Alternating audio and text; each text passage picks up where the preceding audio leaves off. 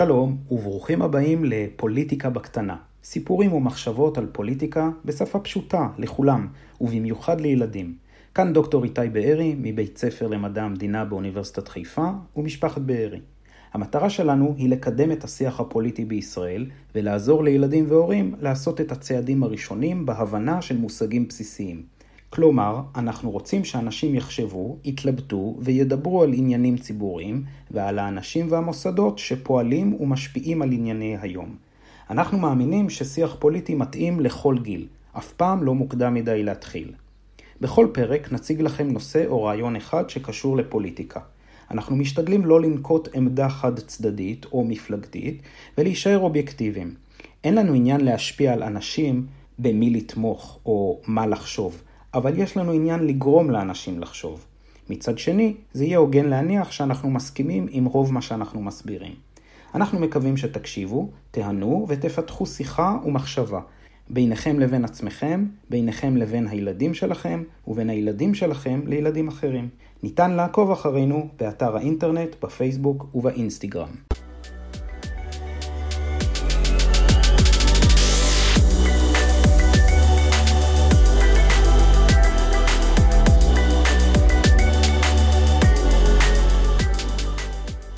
מה הקשר בין אבא שלו רוצה לעשות סלפי ובחירות לראשות העיר?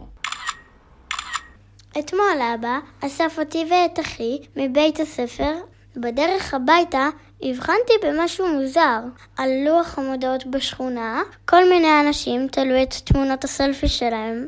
גם ברחוב שלנו התחילו להופיע שלטים עם סיסמאות ותמונות סלפי על שערים ומרפסות. אח שלי מאוד אוהב לקרוא בקול מצחיק ורציני כזה את הסיסמאות. משה, מנהיג חזק לעיר חזקה. זה אביב ממשיכה וצנופה עם התושבים. רק אביגדור ישמור על העיר ירוקה. אז שאלתי את אבא, מי זה כל האנשים האלה? אולי גם אתה תצטלם ותתלה את תמונת הסלפי שלך? אבא צחק ואמר, אני? אני לא צריך לתלות את התמונות שלי. אני לא מתמודד בבחירות ולא רץ לראשות העיר. אני בכלל לא פוליטיקאי. אבל אני יכול להבטיח לך שאני אתמוך בבחירות באחד מהמועמדים ואצביע לו או לה. ואנחנו לא הבנו למה אבא לא רוצה לתלות את תמונת הסלפי שלו. ולאן הוא לא רץ? חשבתי שלעשות ספורט זה חשוב. ומה זה פוליטיקאי? ומה הכוונה שהוא לא מתמודד?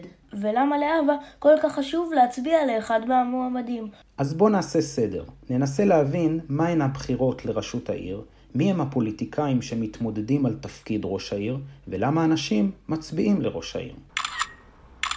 השטח של מדינת ישראל מחולק ל-257 רשויות מקומיות. כולנו אזרחים שגרים בישראל, ובמקביל, אנחנו גם תושבים שגרים באחת מ-257 הרשויות המקומיות. למשל, חלקנו גרים בירושלים, בחיפה, באילת, באום אל-פחם, בגולן, באריאל, בדאלית אל-כרמל, באלעד, בבנימינה, ועוד ועוד. לצורך הנוחות, אתייחס מכאן והלאה לערים ועיריות, שהן הרשויות המקומיות הגדולות בישראל, אבל אתם יכולים להניח שמה שאסביר כאן מתרחש באופן דומה גם ביישובים ומועצות אחרות. מי שרוצה לשמוע עוד על ערים והמעבר של תושבי כדור הארץ אליהן, יוכל להאזין לפרק הראשון של פוליטיקה בקטנה, שנקרא מה הקשר בין ראש העיר, פקקי תנועה ואימא עצבנית. רגע, למה צריך כל כך הרבה עיריות? בכל עיר פועלת עירייה שמוטלת עליה המון אחריות ויש לה הרבה מטלות ומשימות. אפילו לי קשה לדמיין כמה גדולה ומורכבת ומסובכת המשימה לנהל את העיר. אתן לכם דוגמה. נכון לפעמים אתם צריכים להסתדר או להתחשב בחבר אחד או חברה אחת, או אח או אחות. זה יכול להיות קשה ומעצבן. כן, זה יכול להיות ממש מעצבן. כן, זה יכול להיות ממש מעצבן. אז תנסו לדמיין כמה קשה לנהל ולארגן עיר שיש בה 20 אלף תושבים, כמו למשל יוקנעם עילית, או 300 אלף תושבים כמו חיפה, או כמעט מיליון תושבים כמו ירושלים. העירייה אחראית על הניהול של המרחב הציבורי, האזורים והשטחים הציבוריים, כדי שלתושבים שגרים בה יהיו חיים איכותיים וטובים. מה זאת אומרת לנהל את המרחב הציבורי? למשל, העירייה אחראית לארגן ולתחזק את בתי הספר וגני הילדים, לטפח גני משחקים ציבוריים, לוודא שמגיעים מים נקיים לכל הברזים, שהאוויר נקי, לתכנן את ההקמה והבנייה של שכונות חדשות וקניונים, לקדם את העסקים, את מקומות המסחר והבילוי והקניות בעיר, לפתח מערכת כבישים ורמזורים ותחבורה ציבורית ושבילי אופניים, לנהל את אתר האינטרנט, שיש בו הרבה מידע חשוב, וגם לעזור לתושבים שזקוקים לעזרה. למשל, להפעיל מועדנים לקשישים, לסלול שבילים מותאמים ומונגשים לכיסאות גלגלים, ועוד הרבה דברים אחרים. וואו, לא ידעתי שהעירייה אחראית על כל כך הרבה דברים.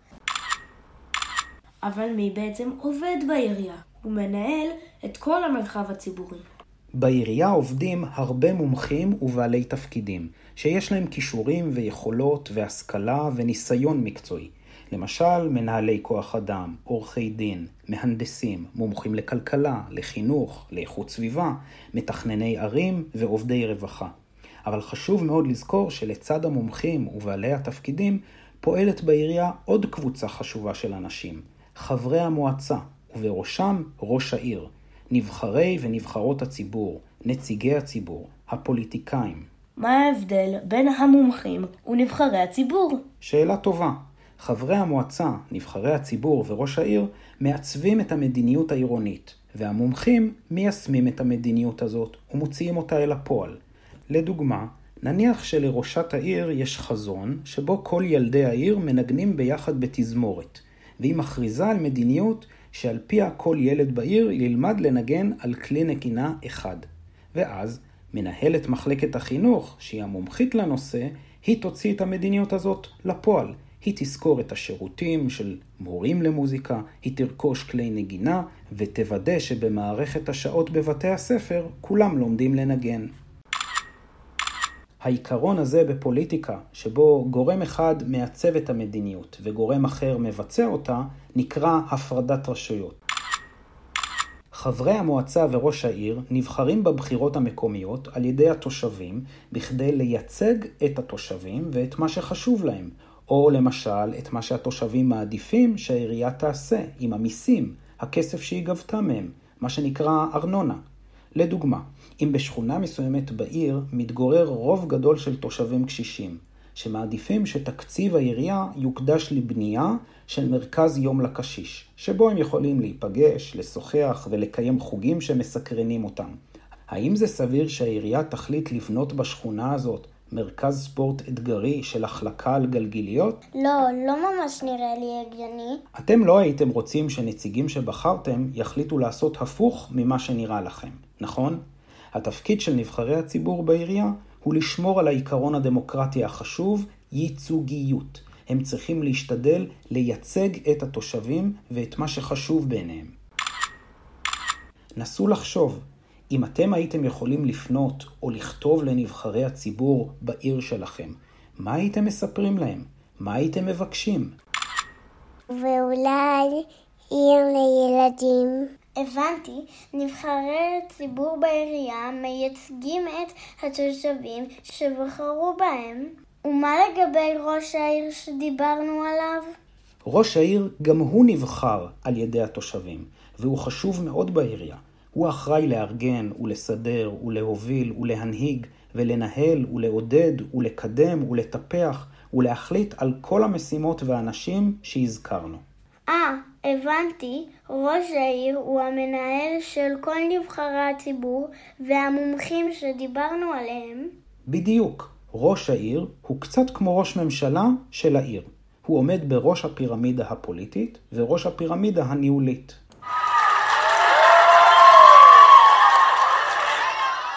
אז כל אחד יכול להיות ראש העיר? איך יודעים מי רוצה להיות ראש העיר ומי הכי מתאים? זוכרים את תמונות הסלפי? בתמונות האלו מופיעים אנשים שרוצים להיות נבחרי ציבור, וחלקם גם רוצים להיות ראש העיר. בבחירות המקומיות, במילים פשוטות, הם יערכו ביניהם תחרות. התחרות הזאת היא בהתנדבות, משתתף רק מי שרוצה להתחרות, ומי שיזכה בתחרות, כלומר יזכה בתמיכה הגדולה ביותר של התושבים, וברוב הקולות של התושבים, יהיה ראש העיר. בתחרות הזאת, כל מועמד מנסה לשכנע את התושבים שהוא הכי מתאים, ויש לו את התוכנית הטובה ביותר עבור העיר. ושאם הם יבחרו בו או בה, איכות החיים בעיר תהיה הגבוהה ביותר. השכנועים האלה נקראים מסע בחירות, או מערכת בחירות, ובאנגלית קוראים להם קמפיין.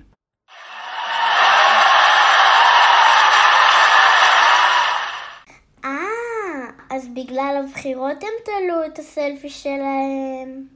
נכון, במערכת הבחירות המתמודדים מנסים לשכנע את התושבים לתמוך בהם, ולכן הם תולים שלטים עם סיסמאות ותמונות, נפגשים עם תושבים, מתראיינים לעיתונים ולטלוויזיה, או למשל פועלים ברשתות החברתיות, פותחים ערוץ ביוטיוב או אתר בפייסבוק. יופי, כל התושבים בעיר בוחרים את נבחרי הציבור. רגע, זה נשמע מובן מאליו שתושבים זוכים לבחור בעצמם את הנציגים שלהם בעירייה. זוכים לייצוגיות, ושהם חלק מתהליך דמוקרטי. אבל זה לגמרי לא מובן מאליו. עד לפני בערך מאה שנים, השליטים במדינות, המלך, הקיסר, בעלי האדמות העשירים, או הממשלה המרכזית, היו ממנים לבד את ראש העיר, לפי מה שנראה להם ונוח להם. רק לאחר מכן אפשרו ליותר ויותר אנשים לבחור את ראש העיר. בהתחלה אפשרו גם לסוחרים ששילמו מיסים לבחור את ראש העיר. אחר כך לכל הגברים, ואחר כך אפשרו גם לנשים לבחור.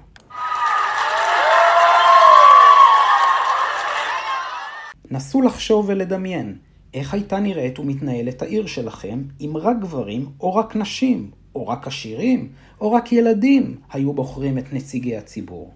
כל הסיפור הזה של בחירות מקומיות מזכיר לי את הבחירות לוועד הכיתה. טוב ששמת לב. גם אתם לפעמים בוחרים בבחירות דמוקרטיות בעלי תפקידים שאחראים על הפעילות בסביבה שלכם. נסו לחשוב ולדמיין, אם היה ניתן, הייתם רוצים לבחור גם את המורים שלכם ואת מנהלת בית הספר? את המדריכים בתנועות הנוער ואת המדריכים בחוגים? ואולי את ראש הממשלה שלכם? ואולי לפעמים אתם חושבים, מה היה קורה אם הייתי יכול לבחור את ההורים שלי? Hmm. טוב, לא כל דבר בחיים אפשר לבחור. אבל את ראש העיר אפשר. אז תכלס, גם אני יכול לבחור ולהצביע לראש העיר? כיום בישראל, כל חמש שנים מתקיימות בחירות מקומיות, וכל תושב מעל גיל 17, כן, אפילו תלמידי תיכון בכיתה י"א וי"ב, מקבלים זכות בחירה.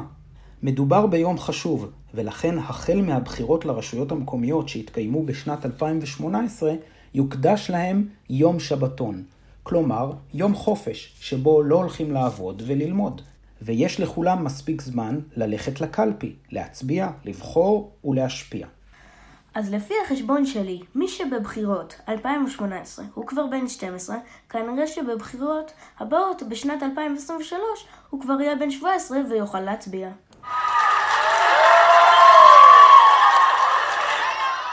היי, אולי נשכנע את אמו או את אבא להתמודד על ראשות העיר? רגע, גם אני יכולה להיות ראשת העיר?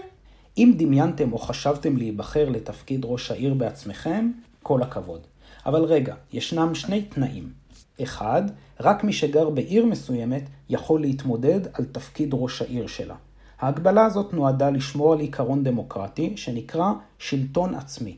כל קהילה תשלוט בעצמה, ורק נציג מתוכה או מטעמה יוכל לייצג אותה ולנהל אותה. ראו, אם אתם הייתם לומדים למשל בבית ספר אשכולות, לא הייתם בוחרים מישהו מבית ספר הרצל לוועד הכיתה שלכם, נכון? ובאותו האופן, לא סביר שראש ממשלת ישראל יהיה אזרח ברזיל, סוריה או ניו זילנד. הגיוני, לא? שלטון עצמי. 2. התנאי המרכזי השני להתמודדות על ראשות העיר הוא הגיל. 21 ומעלה. למה? זה די ברור. אל תיעלבו, אבל ההנחה היא שמתחת לגיל הזה, אנשים הם פשוט צעירים מדי, ולא מנוסים מספיק בכדי לנהל בהצלחה את העירייה. ויש גם כמה מגבלות, כלומר, למי אסור להתמודד. למשל, בגדול, לאנשים שישבו בכלא. למה?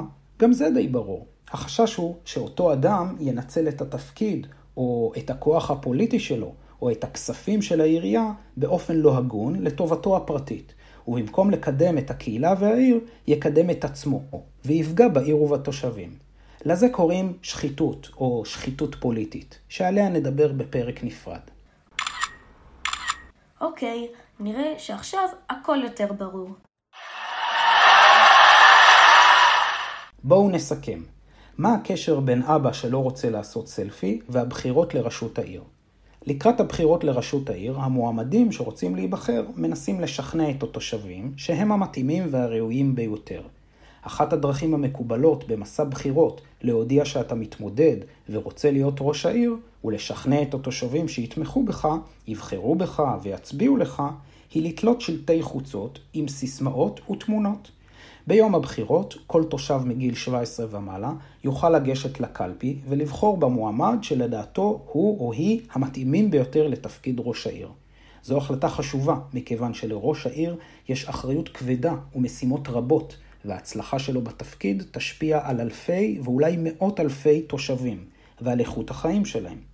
בהצלחה למתמודדים, ואל תשכחו לנצל את הזכות הדמוקרטית שלכם. אם אתם מעל גיל 17, לכו להצביע. ומי שצעיר יותר, נסו להתלוות להורים לקלפי. נשמח אם תשלחו לנו תמונות סלפי ממערכת הבחירות בעיר שלכם. וגם, נסו לחשוב ולדמיין, מה גורם לאנשים להחליט שהם מתמודדים על תפקיד ראש העיר? ואיך מרגיש נבחר ציבור שמקבל את רוב הקולות, ונבחר להיות ראש העיר? ואם היו בוחרים בך או בך לראשות העיר, כיצד היית מייצג את הילדים בעיר?